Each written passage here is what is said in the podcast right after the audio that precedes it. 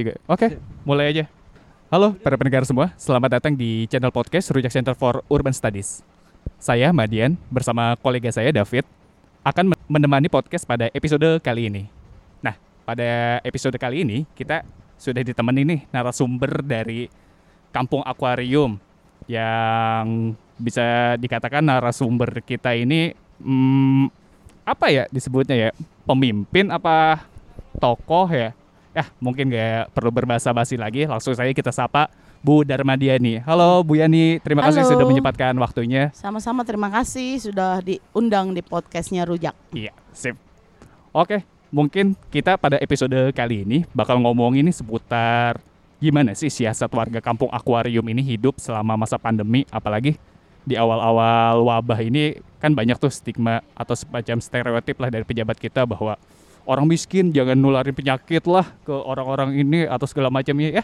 Tapi faktanya bah- menunjukkan bahwa persebaran itu justru bukan dari Nauzubillah jangan sampai padat. ada. mm. Iya. Nah, mungkin untuk pertama-tama kita akan menanyakan hal yang klise banget mungkin bagi sosok Bu Yani ini karena pasti tanyain kampung akuarium itu apa sih Bu sejarahnya gimana. Nah, mungkin di awal-awal ini kita bakal lebih dalemin lagi nih personal Bu Yani sendiri dan yang kedua itu tentang apa sih kampung akuarium itu? Ada di mana sih sejarahnya gimana? Nah, oke untuk Bu Yani silahkan Bu. Oke. Ya. Perkenalkan dulu ya yang belum kenal saya Dharma Diani, umur 44 tahun dengan empat anak. Satu suami, belum nambah. Eh, lahir di sini di Pasar Ikan di eh, kebetulan Kampung Akuarium itu berada di Kelurahan Penjaringan, Jakarta Utara, Kecamatan Penjaringan, Kelurahan Penjaringan, Jakarta Utara. Kalau ngelihat dari Google Map masih banyak orang yang nggak tahu, malahan kemarin-kemarin tuh sempat hilang gitu kan. Tapi kalau kita tahu yang namanya Museum Bahari, eh, nggak jauh dari Museum Patahila, itu kami berada pas di belakangnya. Kita dekat banget dan kita masih dalam satu kawasan cagar budaya. Kami ada di ujung eh, utara dari Museum Bahari itu dan kita berbatasan langsung dengan Teluk Jakarta. Kalau disebut apa yang namanya akuarium, kenapa bisa namanya akuarium? Dari sejarah orang tua kami itu dulu pernah menceritakan bahwa di kampung akuarium itu pernah ada laboratorium pertama atau tertua dari mulai zaman Belanda. Kalau nggak salah di sekitar 1934 itu katanya. Tapi memang sempat eh, tutup atau apa gitu. Nah, tapi yang kita dengar lagi eh, berubah namanya jadi Lonely P dan Lonely P itu pindah di tahun sekitar 69-70-an. Itu pindah ke eh, Ancol di jalan apa apa di jalan Karanghantu kalau nggak salah itu pindah ke sana. Nah, setelah itu tempat ini kosong. Benar-benar kosong walaupun memang ada bangunan yang serupa ada 23 unit yang ditempati oleh eh, keluarga PNS atau ada yang ngejaga museum, penjaga museum, penjaga Lonely P dan keluarga polisi. Dari itulah mulai berkembang adanya keluarga-keluarga yang akhirnya tinggal di kampung akuarium. Tapi itu ada transaksi jual beli di sini gitu loh. Nah, makanya kenapa eh, mereka kami gitu ada surat jual beli, ada PBB, ada air listrik masuk legal karena bukan penyerobotan seperti yang orang-orang eh, tahu gitu atau eh, ya beritakan, tapi kita ada jual beli walaupun itu cuma diketahui oleh RT, RW sampai dengan kelurahan atau kecamatan. Tuh. Jadi posisi Kampung Akuarium ini bagi yang belum tahu ini ada di paling Utara gampang itu di Jakarta, dekat ya. Museum Bahari, Iya, Jakarta Utara Bu ya. iya betul. Jakarta Utara. Nah, kemudian gimana sejarah dari Kampung Akuarium itu sendiri gimana tadi Bu Yani bilang bahwa asal ketemu akuarium itu sendiri karena dulunya itu ada lab akuarium. Ya, Lonely P. Lonely P itu ya. Dan kemudian nih yang perlu ditekenin lagi nih karena bagi sebagian orang selalu bilang ada kampung akuarium ini nyerobot lah segala macam, Iya. ilegal segala macam. Nah, tapi tadi Bu Yani bilang kalau warga akuar- kampung akuarium ini justru melewati proses jual beli Bu ya. Iya. Betul. Nah, oke. Nah, untuk kondisi saat ini sendiri nih Bu, gimana? Oh ya, sebelum kondisi saat ini dulu, saya mau tahu juga nih gimana sih sejarah penggusuran kampung akuarium Bu? Karena kan, aduh, udah agak-agak nge- ngeneng-ngeneng lagi nih Bu ya nih. Ya mungkin mungkin saya juga mau tahu nih Bu. Mungkin juga dari para pendengar juga mau dengar juga gimana sih sejarah penggusuran akuarium di tahun kapan dan Padahal kan warga udah bertahun-tahun tinggal. Nah itu gimana sih Bu prosesnya Bu? Kalau saya sendiri tinggal di tinggal di akuarium pasnya kan karena akuarium itu kebetulan sama tempat kelahiran saya beda satu RT. Saya lahir di RT 11, saya tinggal setelah menikah 25 tahun yang lalu tuh di RT 12 gitu. Saya sendiri menikah 25 tahun. Kalau yang lain yang kayak macam ada sesepuh-sepuh kami yang udah tinggal lebih dari 40 tahun, tandanya kan ada sejarah di sini kan. Kalau masa penggusuran ini ya flashback lagi ya ke belakang. Mudah-mudahan saya nggak pakai nangis. enggak deh. Mudah-mudahan enggak. Sekarang udah agak udah udah udah sedikit sumringah nih ngelihat proses hidup sekarang gitu kan. Ini kebetulan bulan April. Bentar lagi malahan kita mau memperingati lima tahun penggusuran. Memperingati ya, bukan merayakan gitu. Kalau lima tahun eh, lima tahunnya itu adalah 11 April 2016. Kenapa sih akuarium jadi fenomenal banget? Mungkin yang bisa dilihat akuarium itu cuma pemukiman padat yang dilaks apa dilakukan penggusuran paksa sedikit heboh, bukan sedikit sangat-sangat heboh. Kenapa dibilang heboh? Mulai dari pemberitahuan, surat peringatan sampai dengan eksekusi itu hanya dalam waktu 11 hari. Tidak pakai hitungan bulan, tahun, apalagi gitu kan. Bulan aja tuh satu bulan aja enggak, tiga bulan sebelumnya juga enggak gitu loh. Dan pengerahan aparat yang sangat luar biasa di sini. 4.300 personil yang cuma nangani dua RT atau kalau di akuarium sendiri dua RT ya. Kalau zonanya itu kan ada ada 4 RT. Tapi itu kan memang wilayah PD Pasar dan Dinas Perikanan. Kita nggak sangkut-sangkutin itu. Tapi kalau untuk pemukiman sendiri itu dua RT, RT 1 dan RT 12. RT pertama dan RT terakhir yang berada di wilayah RW 4 yang tercatat resmi di wali kota dan di peta Jakarta gitu. Jadi kalau kenapa jadi fenomenal, kenapa jadi eh, kita kita agak sedikit melo gitu kenapa harus memperingati karena memang di sini luar biasa bagaimana mereka hanya mengedepankan saya bilang kekerasan ya karena dari mulai peringatan, pemberitahuan, penggebah kita tuh semuanya yang dilakukan adalah oleh aparat kepolisian perannya besar banget di sini.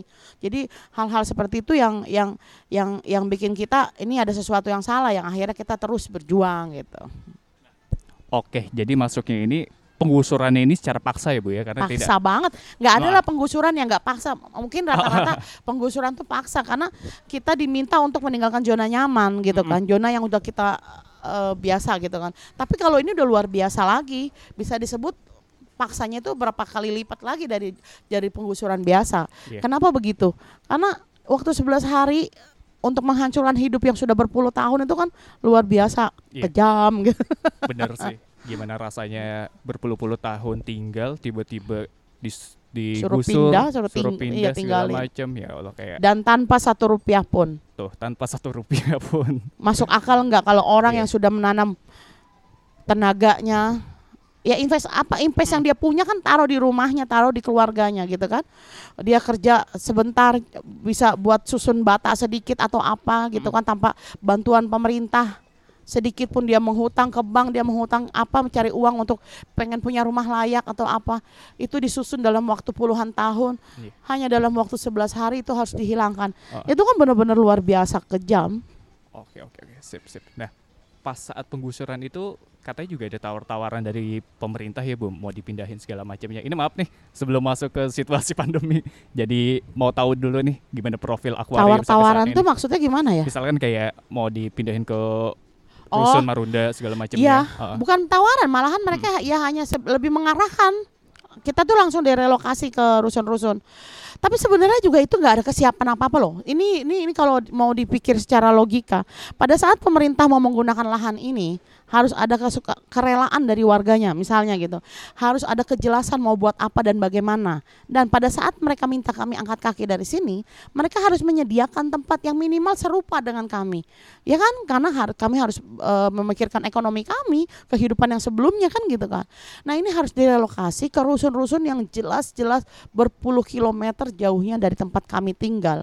Yang udah pasti ekonomi kami berubah drastis. Yang udah pasti kehidupan sosial kami berubah. Tapi itu nggak pernah dipikirkan sama pemerintah. Dan lucunya kami harus dipicah- dipisah-pisah. Dari dari satu kawasan ini kami harus ada yang tinggal di Marunda 25 km, 28 km. ke uh, Rusun Cakung, banjir Kanal Timur yang 30 kilometeran lebih, ke Rusun Kapuk yang Rusun Kapuk anehnya memang nggak terlalu jauh, mungkin sekitar 5 atau kilometer itu tapi dipilih dari tokoh-tokoh masyarakat. Penawarannya tuh sembunyi-sembunyi. Terus ada yang ibaratnya nyebar ke mana-mana yang yang akhirnya mereka milih karena nggak mau ke rusun akhirnya jadi ada yang kontrak ada yang pulang kampung. Nah tandanya di situ dilihat bahwa pemerintah pada saat mau menggusur itu tidak punya kesiapan apa-apa. Mungkin kita pernah dengar kalau orang mau mindahin orang itu nggak segampang orang mindahin barang, sampah aja dipikirin, ini sampah dikumpulin di sini. Mau dipindahin ke mana ke TPS-nya, itu tempatnya harus disediain. Bau apa enggak, mengganggu sekitar apa enggak, itu aja dipikirin. Lah kami yang manusia itu udah dipecah belah, di apa jadinya udah pokoknya judulnya ya itu yang yang kita bilang itu pelanggaran HAM berat tidak manusiawi yang kejam itu. Iya, jadi bisa dikatakan ya pembangunan ini ya satu pihak aja Bu ya, nggak iya, melibatkan ya, jelas. masyarakat. Tidak ada tidak ada iya. diskusi dua iya. arah, tidak ada komunikasi, yang ada hanya pengerahan aparat untuk minta kita keluar dari sini. Iya. Nah, ini kan pasti ada kehidupan setelah penggusuran di mana sebelum adanya shelter itu situasinya gimana ya Bu ya? Karena iya. saat ini di Kampung Akuarium ini warga sedang tinggal di shelter sementara bu ya. Iya. Nah ini ke kehidupan dari setelah penggusuran sampai adanya shelter itu gimana bu warga ya. kondisinya? Ya kita sedikit flashback bener nih. Ya ini kalau dari dari dari penggusuran sendiri mungkin pada saat setelah eksekusi itu kita udah kayak kambing itu udah pada mencar ke mana-mana gitu kan. Kebetulan ada beberapa bukan beberapa lah ada puluhan kepala keluarga yang bertahan di aula masjid luar Batang. Mungkin karena kemanusiaan DKM-nya itu Dewan Masjidnya itu nampung kami gitu kan. Itu bertahan sampai dengan satu bulan 10 hari. Dan itu nggak mungkin dilanjutkan karena masjid itu juga punya kegiatan sosial lainnya gitu kan. Itu berpikirlah kita sambil dengan mikirin proses hukum kan kita nih ada beberapa kelompok yang akhirnya cari bantuan sana sini gitu kan. Tapi ya pakai ada yang pakai penguasa apa kuasa hukum komersil bayar. Ada yang memang cuma orang cuma-cuma tapi ternyata dia cuma cari pencitraan. Ada yang ngasanya membantu tapi ternyata stuck di jalan gitu kan itu bener-bener inilah nah pada saat kita mau menggugat PTUN masuk masa kadaluarsa karena sudah lewat dari 90 hari. Yeah. Kan PTUN itu dibatasinya 90 hari. Dan PTUN itu hanya menggugat administrasi atau perdata gitu kan. Ternyata itu juga tidak bisa memuaskan kami kan. Uh, akhirnya kita ubah lagi nih strategi kita apa. Alhamdulillahnya ketemu sama teman-teman yang memang benar-benar peduli. Mereka melihat bahwa ini memang ada yang salah, bahwa mereka melihat ini kekejaman yang sangat luar biasa. LBH Jakarta yang pertama datang yang ngobrol sama saya dan ngobrolnya gue sembunyi-sembunyi karena ya tahulah situasinya karena waktu itu kita masih dalam pengawasan bahwa kita harus kosong kosong kosong kosong gitu kan terus uh, teman-teman dari Rujak gitu aku tuh sampai dengan hari ini tuh ngebayangin Pak Marco sama Mas Andes itu kayak sesuatu yang dikirim Tuhan Kenapa saya bilang lebay begitu? Kita kan modelnya kan kayak puing-puing, tumpukan-tumpukan kayak gunung begitu kan. Sebelah e, barat itu tumpukan tinggi atau gini apa. Nah Mas Ande sama Pak Marco itu arahnya dari pintu masuk akuarium itu berdiri di gundukan itu Pak Marco dengan tas renselnya sama anduk di lehernya itu nggak pernah hilang di kepala saya. Aduh agak melo itu dengan sama Mas Andes. Iya. Mukanya kayak gimana gitu ngelihat kita kita orang gitu kan. Yang di tenda, yang di bedeng kebetulan kami dapat tenda dari beberapa simpatis lah ya simpat, apa aktivis-aktivis jalanan yang mereka peduli sama kita gitu kan ada teman-teman yang ngasih sumbangan untuk kasih tenda gitu terus ada juga yang bikin bale-balean atau apa gitu kan mereka datang gitu kan. E, apa yang jadi kebutuhan kita kebutuhan dasar maksudnya ya kesusahan kita. Waktu itu kan kita kesulitan air sama listrik. Kalau kenapa sebut air? Karena kan pam kita dimatiin. Seminggu setelah itu pamnya langsung ditutup. Uh, listrik udah jelas dari awal penggusuran itu kita udah diputus-putusin. Kita udah nggak punya air nggak punya. Kalau ngegambarin saat itu oh sekarang walaupun cuma shelter masih nggak masih bagus ke mana-mana dibanding saat itu. Bagaimana kita jalur gajah deh boleh kalau mau dibandingin. Bagaimana puing-puing itu sana sini batu bekas dinding warga bekas WC warga itu ada semua. Ya jalur gajah lah boleh samainnya karena porak-poranda bener gitu kan. Nah mereka menawarkan, tapi kan mereka nggak langsung bilang kita berjuang atau apa gitu kan. Kenapa? Karena mereka yang kita melihat mereka lihat itu kebutuhan dasar kita apa sih gitu. Mulai dari situ teman-teman uh, rujak itu ngumpulin dari teman-teman luar mungkin ya ada komunikasi kirim kita bantuan air tangki apa.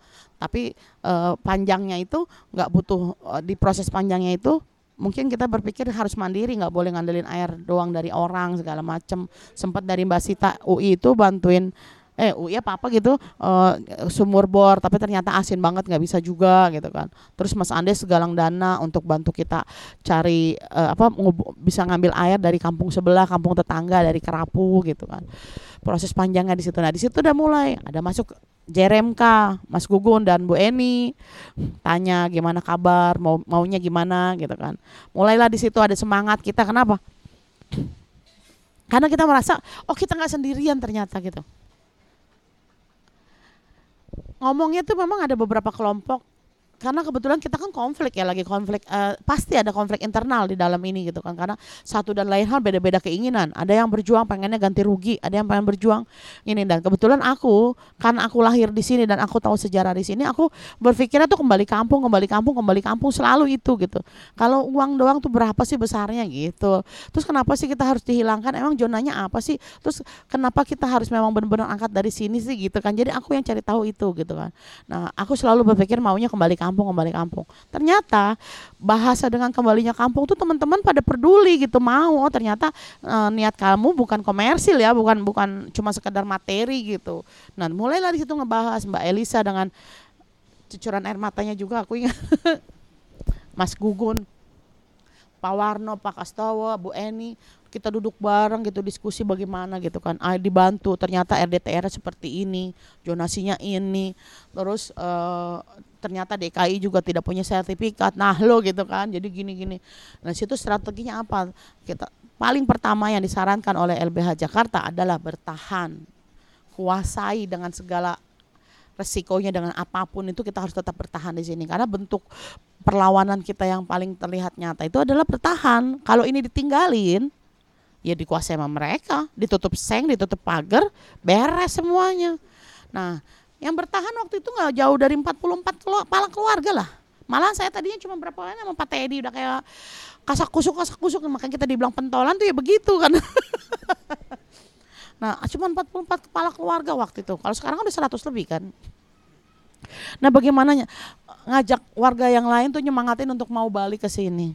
Ya, itu juga nggak mudah mereka dengan zona nyari zona amannya alasannya punya orang tua yang sakit punya anak kecil punya istri yang sedang hamil itu susahnya setengah mati. Tapi ya kita nggak boleh nggak boleh putus asa kan. Pokoknya bagaimana caranya siapa, yang mau ayo kita bikin bedeng ayo tinggal di tenda ayo begini gini gini. Masih juga dapat ancaman kita diuber sama intelnya diancam diawasi sama intel rumahku tuh di depan empat biji dua biji tuh orang udah nggak ini gitu kan bukan rumah bedengku gitu kan bikin bedeng, bedeng dihancurin, dibuka lagi. Pokoknya itu berproses. Nah, masuklah ke sesi pilkada. Ya, iya. bisa kita bilang itu momen yang ini ya, eh, walaupun hasil kalau hasilnya Ahok lagi yang menang atau gubernur itu yang menang, yeah.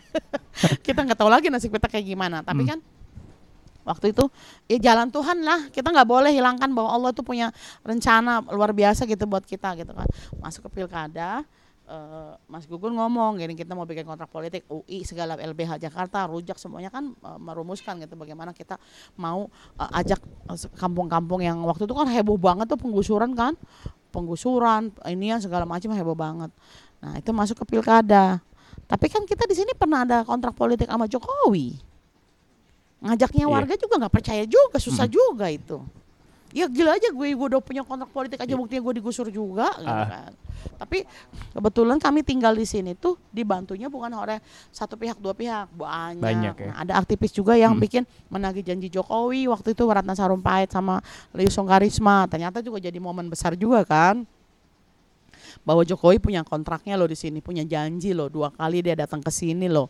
menjanjikan ini dan ini loh, mau jadi gubernur dia datang ke sini, udah jadi gubernur dia masih main ke sini, dia mau jadi guber, apa presiden pun dia datang ke sini.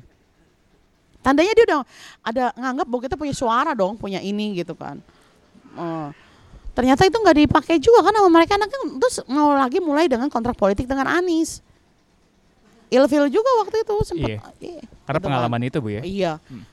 Yang ada aja buktinya nggak kita nggak ini gitu nggak kan. dijalanin. tapi itu dibahas lagi. Memang sih mengembalikan kepercayaan itu tuh susahnya setengah mati. Iya. tapi kita nggak boleh putus asa. Namanya harapan harus kita coba. Sampai saya bilang kalau kali ini saat ini bantuan dari setan pun kami terima. Karena kami memang butuh gitu loh. Iya. nah kita nggak bedanya kayak orang tenggelam saat itu kalau udah di tengah laut kita tenggelam terus ngeliat jerami itu juga udah anggapnya itu pertolongan. Padahal jerami itu kalau kita pegang ya gembes gitu. Tapi mau nggak mau kami harus ambil risiko itu gitu loh. Sekedar untuk mencari harapan ada nggak gitu. Itu yang harus yang saya pikirin saya gambarkan Oke, waktu itu. mungkin apa ya situ aja bu, karena cukup panjang, juga panjang banget kalau Panjang cerita banget tentang kalau itu. diceritain. Mungkin saat ini kita pengen tahu nih gimana sih kondisi Kampung Akwarium saat ini bu, bisa diceritain gak sih bu? Sebelum masuk ke ya inti utama topik kita kali ini. ya kalau kondisi saat ini ya sebenarnya kan dari dua tahun lebih ya dah hampir tiga tahun yang lalu 2018 kita udah mulai karena udah ada kontrak politik sudah ada kesepakatan kembalinya kampung tapi kan kita nggak langsung eksekusi bikin bangunan langsung tuh. Nah di rapat akbar itu kesepakatan dibikinin shelter dulu sementara. Itu perubahan benar-benar hampir ya kita bisa bilang 70% jauh lebih baik. Kenapa? Karena identitas kami dipulihkan kembali karena dua tahun lebih itu identitas kami beku dan anggap sudah tidak ada lagi sudah zona merah. Terus eh, RT dibentuk gitu kan. Terus shelter sudah jalan semuanya. Hak kami sebagai warga tuh dipulihkan. Ada program-program dan lain sebagainya. Kalau dibilang kondisi sekarang walaupun kami cuma tinggal di eh, bedeng sementara atau rumah sementara atau cuma triplek ya setidaknya hak kami sebagai warga itu sudah 100% dikembalikan. Iya. 100% itu dalam hak ber apa ya bermasyarakatnya sudah dikembalikan. Sebagai warga DKI itu sudah dikembalikan. Hanya tinggal nanti ya rumah barunya ini gitu. Iya, hak warga hak warga negaraannya udah balik semua Sudah. bu ya. Iya, nah menarik nih melihat kondisi kamp- warga kampung akuarium yang bisa tadi bisa ditangkap dari Bu Yani ini di saat pandemi ini tentu menjadi tantangan ya Bu ya, apalagi jarak sosial itu menjadi salah satu protokol Tuh kan Bu ya. yang bikin stres itu Iya. waktu nah, itu itu gimana sih Bu siasat dari warga kampung akuarium sendiri di saat pandemi ini dan gimana sih kondisi warga kampung akuarium saat ini? Pasti ya ada pengalaman-pengalaman sulitnya juga ya, apalagi namanya menjaga jarak segala macamnya gitu ya. Itu gimana sih Bu bisa ceritain gak sih Bu? Itu sebenarnya mungkin karena saya pelaku medsos ya. Jadi kan informasi dari luar tuh lebih cepat dibanding emak-emak yang lain atau orang tua yang lain gitu kan. Kenapa saya agak sedikit lebih dap- dapat gitu kan karena saya menggunakan medsos saya tuh benar-benar gitu kan. Nah, pada saat dapat itu sebelum pemerintah mengumumkan eh, Jakarta PSBB atau isolasi eh, karantina gitu, kami sudah melakukan itu lebih dulu. Februari udah bisik-bisik. Maret kami sudah melakukan karantina isolasi mandiri kampung. April baru diumumkan secara resmi kan. Sebenarnya eh, hanya untuk bikin eh, warga nggak terlalu panik gitu kan. Kenapa bilang Maret? Karena waktu itu ada tiga tamu dari luar negeri yang kita tolak. Kanada, Jepang nggak jadi, ya kan? Sama waktu itu Jerman. Itu dalam rangka apa Bu? Tamunya? Mereka ada penelitian, ada wawancara, sama bikin dokumenter. Oh iya. Kalau dari Kanada kami sempat bikin ambil film satu kali, tapi setelah makin lama beritanya makin besar, eh, kita langsung cut. Seminggu kemudian dia mereka mau balik lagi, kita langsung cut gitu kan. Kita nggak mau iya. Terus kita ngobrol tuh sama Mbak, sama Mas Ande, sama Mbak Amel, sama Mas Gugun. Eh, ini kalau akuarium sampai kena, Mas, aku bilang gitu. Aku nggak tahu caranya kayak gimana. Emang kenapa? Lah dinding kami triplek, kamar mandi kami komunal.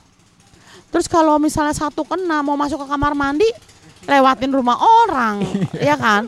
Terus satu kali napas saja atas shelternya tuh kita mangap semua, terbuka semua, ibaratnya gitu kan. Kalau misalnya mau diisolasi, bagaimana cara isolasinya? Oh Mbak Mbak Elsa ngajarin, bagaimana kalau musola kita jadikan ruang karantina? Bisa juga gitu loh. Kenapa enggak? Atau ada waktu itu kan ada kantor koperasi sama PAUD itu yang udah kita persiapkan. Tapi waktu itu pemahaman yang saya terima itu nggak diterima mudah dengan warga. Saya sempat berdebat mana ada topas juga saya sempat berdebat karena saya sempat melarang orang-orang yang kerja atau aktif di lingkungan yang terancamnya lebih besar, ancamannya lebih besar, kayak di pasar pagi, Mangga Dua dan lain sebagainya. Kan itu kepadatan pengunjungnya kan udah jelas gitu kan. Saya bilang kalau misalnya ini eh, apa? Kalian harus benar-benar jaga diri. Bagaimana kita apa? eh, misalnya nih, aku ceritanya waktu itu ya. Ayo eh, kampungnya dibatasin pakai portal gitu kan. Di depan portal itu eh, kita harus sediain cuci tangan walaupun cuma pakai ember waktu itu kan, blong-blong kecil. Udah begitu, setiap warga keluarganya datang dari luar, keluarganya harus jemput istrinya atau anaknya jemput di kamar mandi itu, dia harus siapin salinan. Masuk kamar mandi semuanya bajunya langsung masukin ke rendem gitu dia istrinya itu bawa baju salinan atau anduk atau apa pun gitu sampai segitunya aku itu mereka sampai ada yang protes terlalu berlebihan gitu kan. Terus kalau yang di luar gini-gini kalau bisa istirahat dulu jangan kerja dari sana dulu karena pandemi waktu itu lagi tinggi-tingginya. Emang saya kayak ibu emang kami kayak ibu ibu mah gasnya jalan terus gini-gini bisa makan gini-gini gitu kan. Tuh Topas juga bilang gitu emang berani ngasih makan? Saya bilang sampai saya nekat saya berani jamin kasih makan daripada orang ganti nyawa saya bilang gitu. Sampai gitu tanya boleh tanya Topas itu saya sempat debat sama dia. Kondisi orang beda-beda emang karena kondisi orang beda-beda kita juga harus pikirin kondisi yang lain. Sampai akhirnya kita ngobrol ya nggak mungkin kita menyuruh orang libur kerja. Kalau kita nggak ada solusinya sampai cari bantuan ke mana-mana eh waktu itu ikut program kita bisa.com juga. Warga yang bisa di titik-titik tertentu itu kan nggak semua warga kita 100% kerja di situ kan ada berapa orang. Nah bantuan di kita.com untuk kamu bertahan. Kamu nggak boleh keluar ke sana ke sana yang yang yang rawan gitu kan gini gini gini. Terus ada bantuan dari sana sini. Terus kita minta tolong bantuan dari TGUPP bagaimana caranya kita mencukupi ekonomi dengan uh, tetap ngawasin warga diam di rumah gitu kan. Oh iya kan Mas Angga setuju kan waktu itu kan. Cari bantuan lah nih dari luar untuk kita penuhi kebutuhannya. Sampai ke obat sampai ke sabun waktu itu kan kita dibantuin. Itu belum ke bansos ya belum jauh masih ke bansos masih jauh banget gitu kan. Pemerintah juga iya yang resmi itu tuh belum ya, sama sekali. kalau ya. ini kita nyari bantuan dari luar. Ibaratnya aku tuh woro-woro lah Eh, kami punya kumpulan apa punya warga segini gitu. Kalau kita ngancam mereka untuk nggak kerja kan nggak mungkin juga. Tapi ternyata ada juga yang nggak bisa kerja karena kantornya tutup, pabriknya tutup atau apa gitu kan. Akhirnya kita jadi kebutuhan jadi susah semua gitu kan. Nah, itu ada bantuan tuh. Setidaknya terjamin banget waktu itu dapat beras, dapat sembako lainnya gitu kan. Nah, kita tapi itu nggak nggak nggak nggak nggak nggak bikin warga harus e- ma- makin enak enggak. Mereka memang benar-benar wanti-wanti tuh mereka nggak boleh keluar, mereka harus kontrol, mereka nggak boleh pulang kampung, masuk lebaran juga. Nggak kita nggak sholat taraweh. Tarawehnya Iya. jarakan juga itu baru belakangan, kita Kan nggak taraweh. kan sunnah. Terawihnya ma- di rumah masing-masing gini gini gini. Karena kita nggak pernah tahu virus ini datangnya dari mana dan siapa yang bawa gitu kan.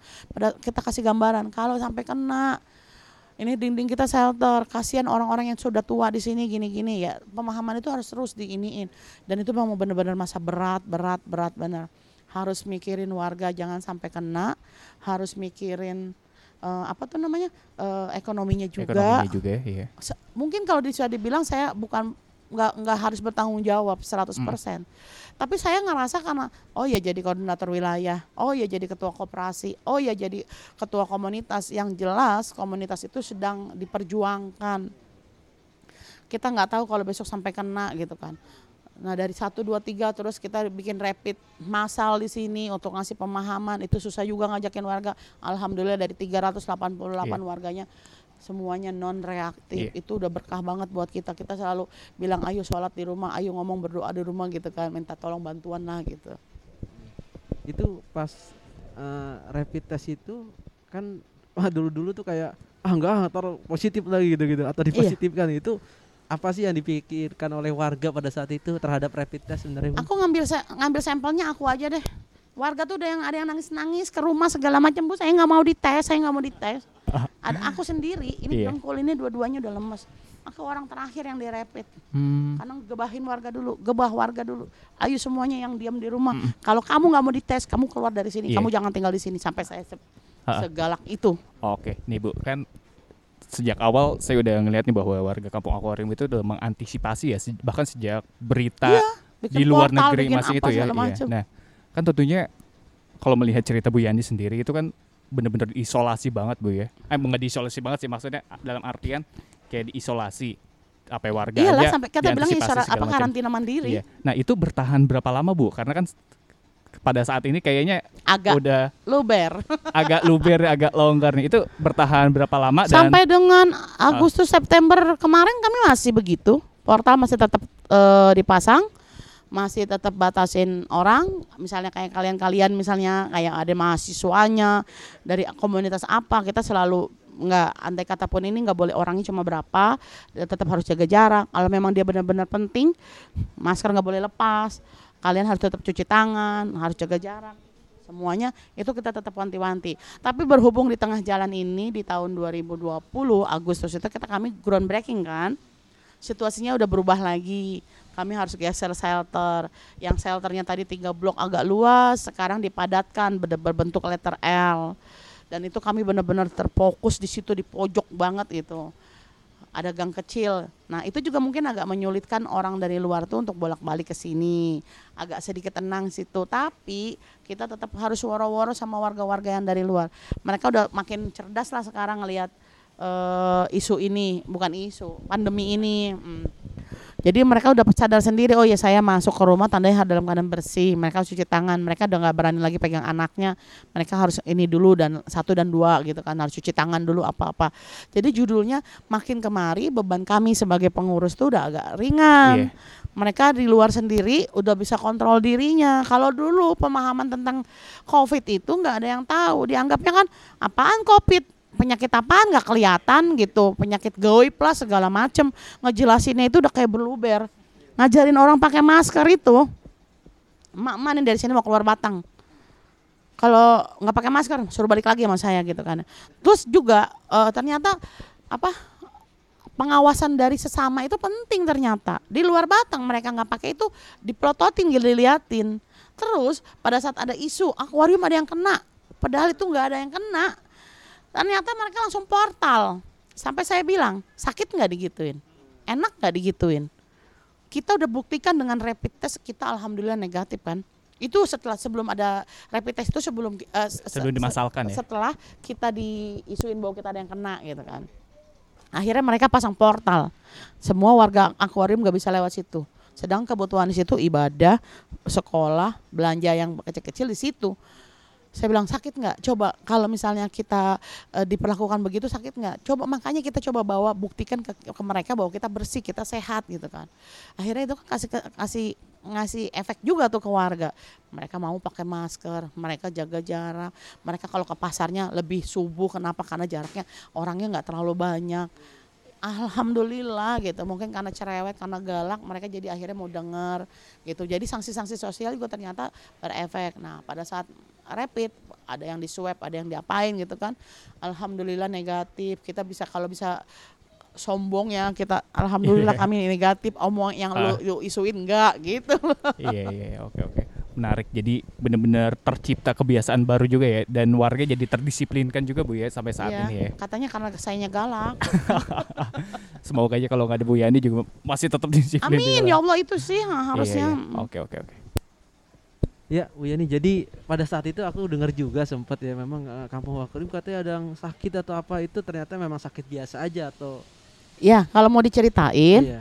orang itu nggak tinggal di sini sudah tiga bulan dari meninggal Oh. Dia sudah tidak tinggal di sini. Dia kalau nggak salah itu sekitar bulan September apa Desember 2019 tuh dia pulang kampung karena merasa kondisinya kurang baik.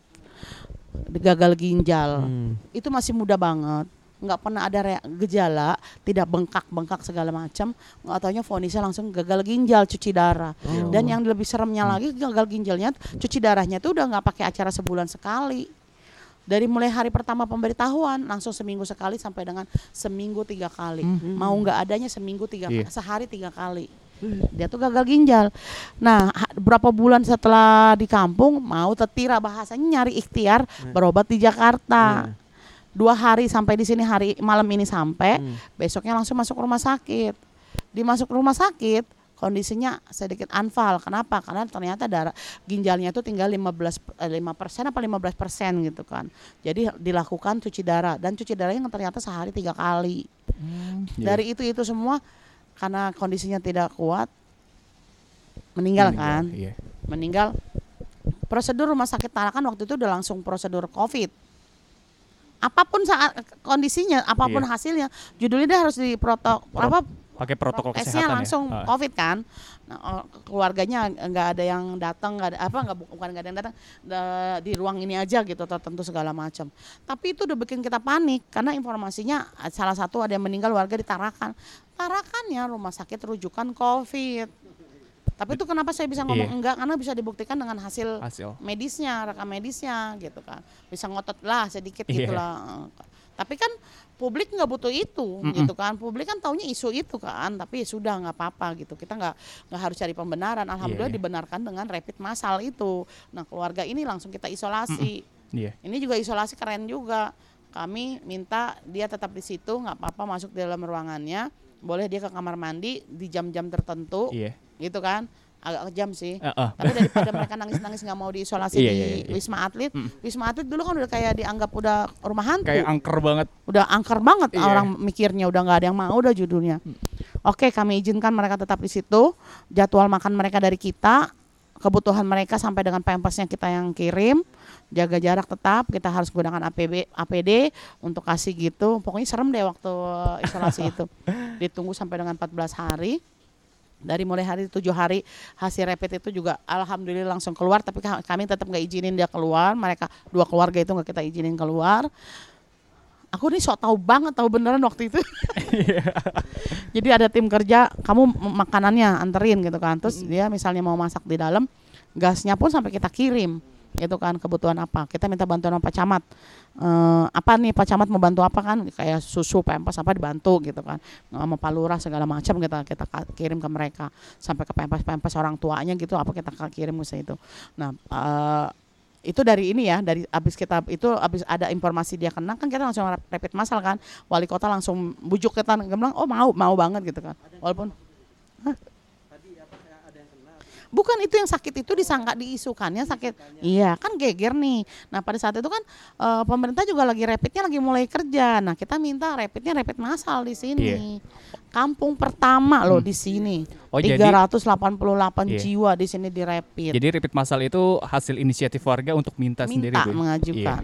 Minta Wah, waktu menarik, itu. menarik, walaupun menarik. sebenarnya banyak yang marah-marah Iya. karena saya minta Ah. ya udah banyak yang nggak mau hmm, gitu kan. Tapi- saya sendiri terakhir saya juga takut deg-degan ya Iya, iya. nggak bisa tidur semalaman nggak bener-bener nggak bisa tidur stres gitu gimana Iya, iya. besok hasilnya gimana gitu tapi berpikir pada saat memang ada yang ini ya kita udah judulnya udah karantina mandiri udah isolasi kampung udah Iya. bukan lagi ini gitu kan terus sudah begitu alhamdulillah 388 negatif Hmm. yang rapidnya langsung yang keluarga inti harus tetap isolasi tiga swabnya hasilnya lima hari waktu itu eh lima hari apa tujuh hari waktu itu keluar.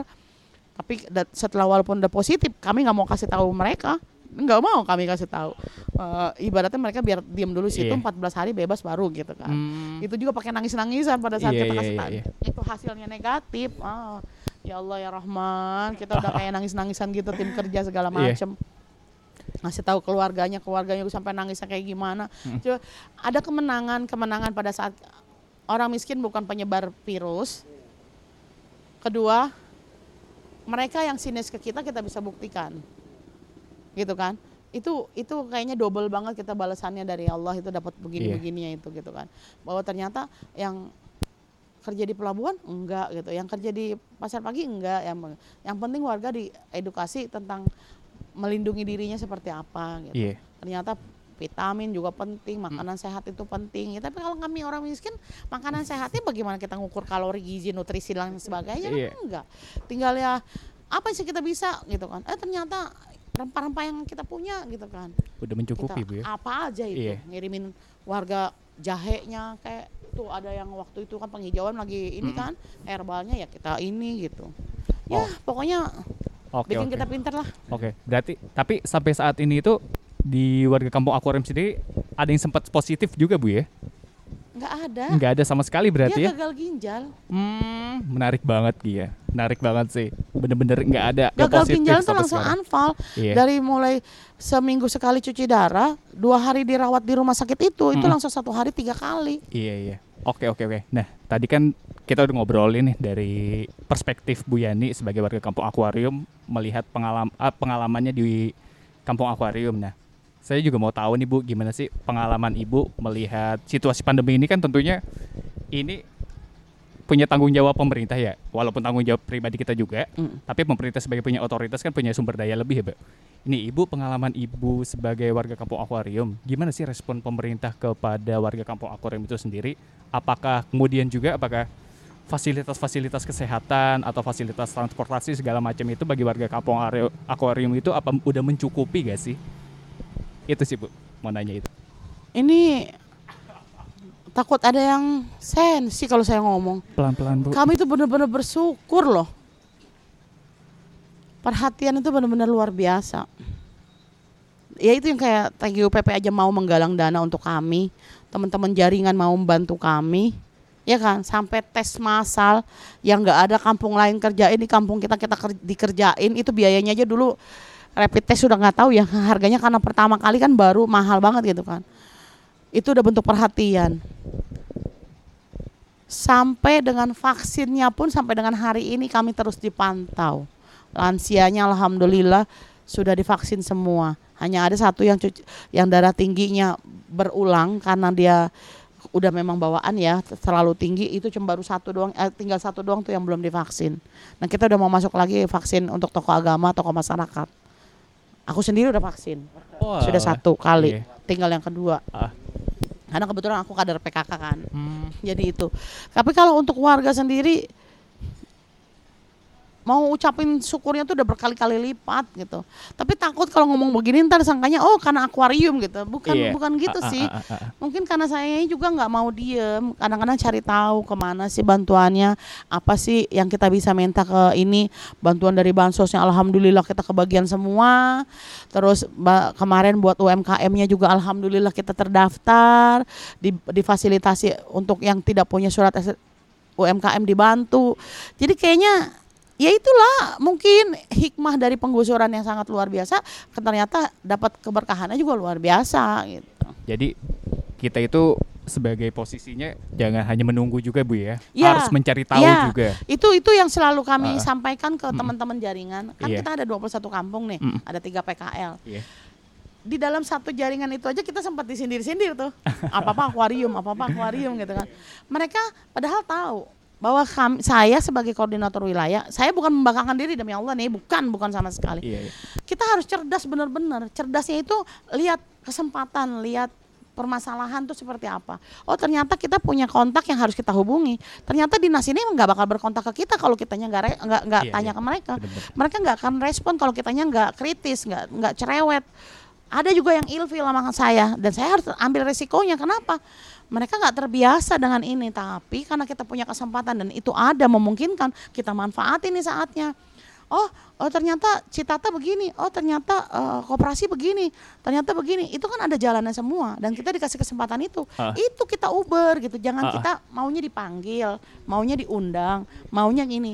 Nah, kalau udah jadi begitu kita juga harus menguasai permasalahan yang ada di kampung kita apa. Iya, iya. Nah, itu jadi nggak boleh diem aja cuman dicawe-cawe. Kita juga harus ngawe-ngawe Iya, gitu iya. loh. Oke, jadi menurut Bu Yani ini melihat pengalaman warga kampung akuarium yang sejak awal udah antisipasi sampai sekarang pun bahkan nggak ada kasus positif juga ya Bu ya. Amin mudah-mudahan sampai dengan hari ini sampai besok Iya, sampai ntar mau amin, amin, ada. amin. Nah, kunci dari warga sendiri jangan nggak nggak warga kampung ya, khusus berlaku untuk umum ya secara umum itu apa sih Bu kuncinya Bu di saat pandemi saat ini itu yang pe- terpenting?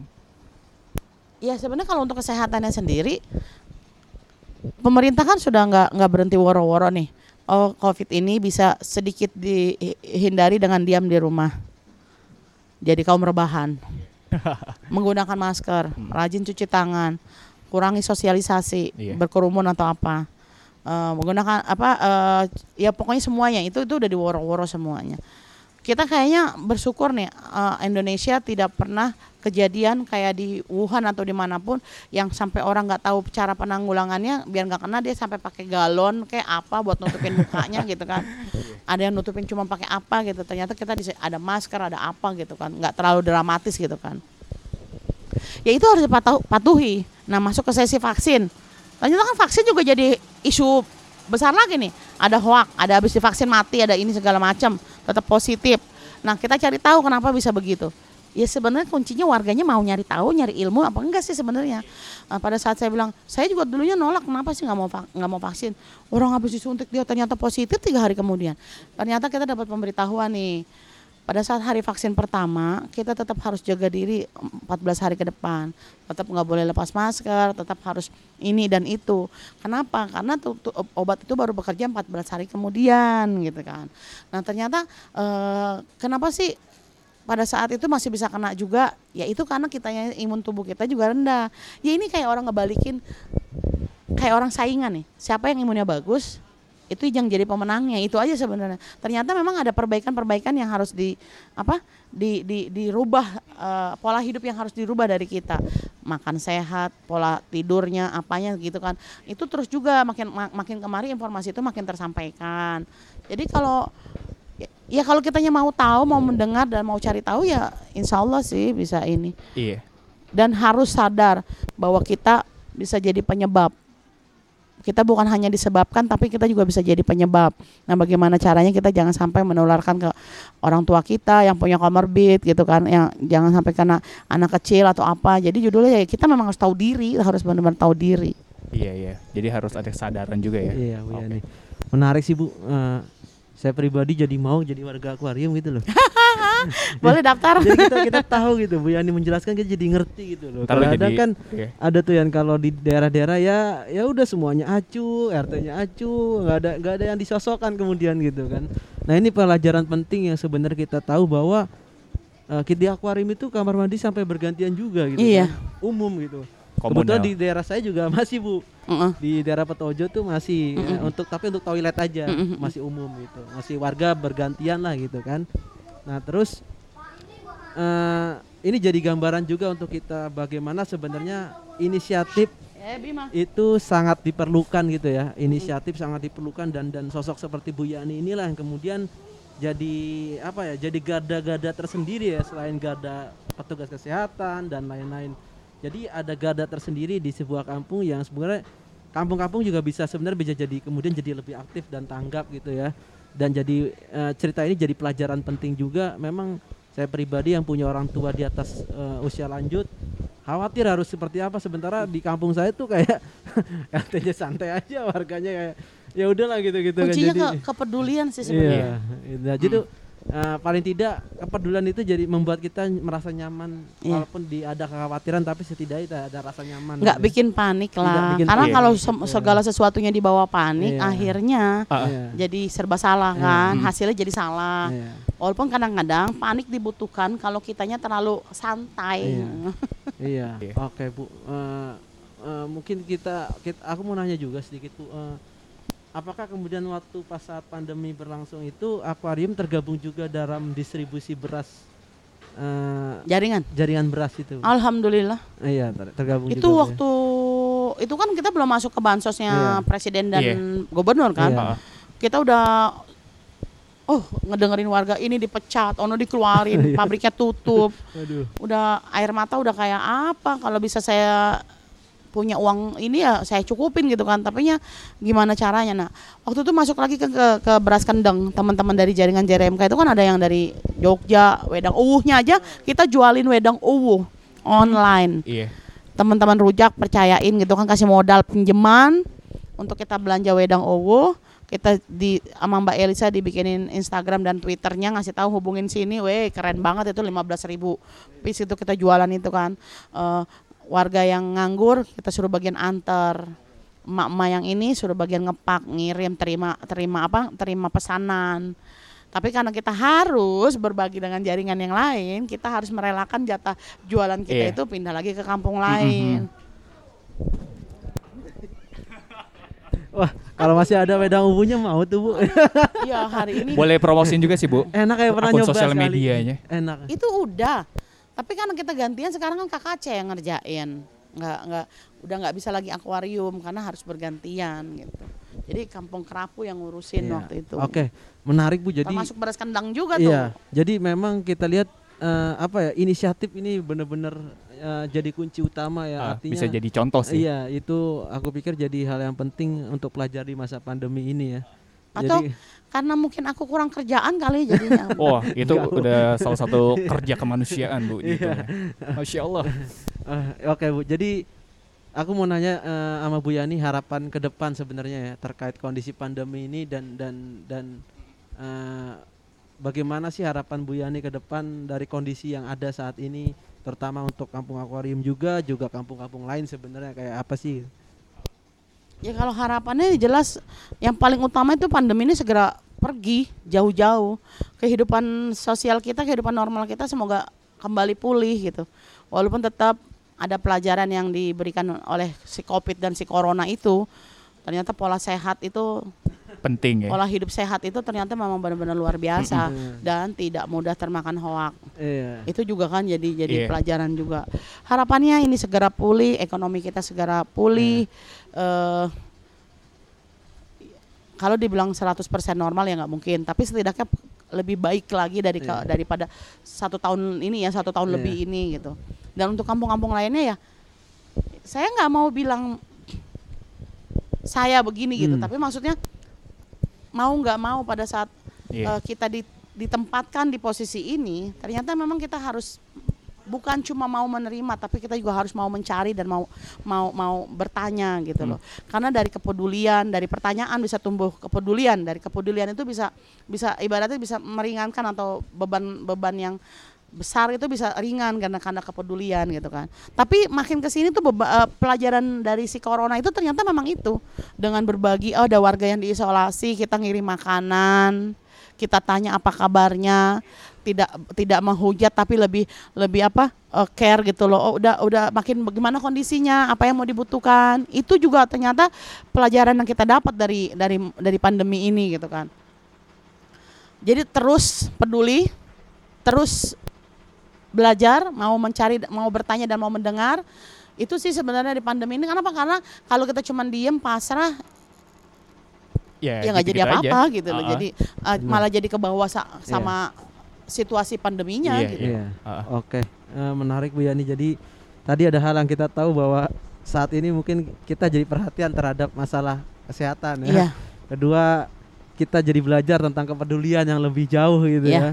Terus juga kita eh, memahami bagaimana kondisi-kondisi yang ada dan apakah kondisi ini eh, terus akan diupayakan gitu loh. Ya, Yani. kalau kepedulian, pola hidup sehat, eh, mencari ilmu, men- mendengar atau mencari informasi ya nggak boleh berhenti sampai dengan kapan pun. Mungkin hanya liang lahat kali liang lahat kita bakal bertanya dan akan tetap dijawab menjawab gitu kan. Ah, ah. Jadi nggak boleh berhenti kita memang harus terus gitu. Karena kunci manusia yang beradab bermartabat ya memang itu kan. Jadi kalau masalah pandeminya ya pandemi. Tapi pandemi ini menyisakan ilmu, menyisakan rasa itu ya harus kita syukuri. Tapi kalau bilang sampai ke depannya mau berlanjut seperti ini ya harus pola hidup sehat harus tetap diterapkan gitu loh. Iya, saya jadi dapat moto menarik nih buat Bu Yani kalau as- andai kata ke depannya mau ngejabat peduli, belajar dan inisiatif. Oke, Bu, sekiranya sampai sini Bu episode Ya, kali ini. Sebelumnya saya ucapkan terima kasih banyak untuk Bu Yani. Iya. Oke, mungkin nanti sewaktu-waktu kita bisa minta Bu Yan bikinin modul juga nih. Modul gimana menangani masyarakat. Karena menarik banget nih. Sampai sekarang warga kampung akuarium itu belum ada yang positif. Oke, Auzubillah jangan sampai mohon Iya. doanya Amin. kesehatan amin. semuanya. Iya, dan doa Dan juga lancar nih. semua nih pembangunannya Iya. ya mohon doanya. Iya, jadi belum buat yang belum tahu bahwa saat ini di kampung akuarium itu sedang ada pembangunan, Bu, ya. Pembangunan ya. Iya. Kampung susun akuarium bangkit mandiri. Mm-mm. Keren. Insya Allah di Wisata baharinya iya. Iya. Itu yang pertama, sebenarnya akuarium bangkit mandiri Iya. kita kenapa sih kita pengen kita nunjukin nih dari keterpurukan kita Iya. kemarin. Ini panjang lagi nggak apa-apa nih. Nggak dari keterpurukan tambahan, kemarin, tambahan. Ah. kita nggak boleh terpuruk terus, kita harus bangkit dan alhamdulillah karena ke- kemandirian kita, karena kepedulian kita ya sampai dengan hari ini nih prosesnya. Iya. Dan ini nggak mudah. Ya. dan orang eh, mungkin saya bisa bilang sedikit bangga. Kenapa? Dari ratusan kampung yang tergusur, kami sudah lebih move on gitu Iya, bahasanya. iya. Ini kayaknya bisa dibuat episode tersendiri nih Iya. gimana pembangunan kampung akuarium dan estimasinya insya Allah tahun 2022 Bu ya. Eh, harusnya di 2021 Harusnya untuk dua 2021. dua gedung ini selesai Oh, oh. Agustus ya. Iya. Kalau estimasi seluruhan lima blok ini memang di Desember 2021 juga sebenarnya. Harusnya tapi kayaknya ada ada trouble sedikit kemarin Iya. satu Iya. dan lain hal. Nah, Sip. Oke, menarik Bu. Jadi nanti harapannya mungkin nanti para pendengar ingin main ke kampung akuarium juga Oh bisa iya. ya. Nanti Aduh, setelah Kita welcome reda, banget, ya. kita pengen jadi kampung edukasi. Iya, Oke. benar. Ada Bisa. akun sosial medianya kan Bu ya? Kampung Ada, di Akuarium. Instagramnya ada. Iya, bisa sekalian promosiin Bu namanya apa Bu? Iya. Eh, kampung akuarium, Instagramnya kampung Oke. akuarium. Bagi buat yang mau tahu bisa follow aja akun sosial medianya. Diikuti oleh Pak Gubernur juga loh. Tuh, Hmm. ada Pak Anies juga di @kampung akuarium Bu ya Yap. di IG. Oke, sip. Sekian episode kali ini. Bye.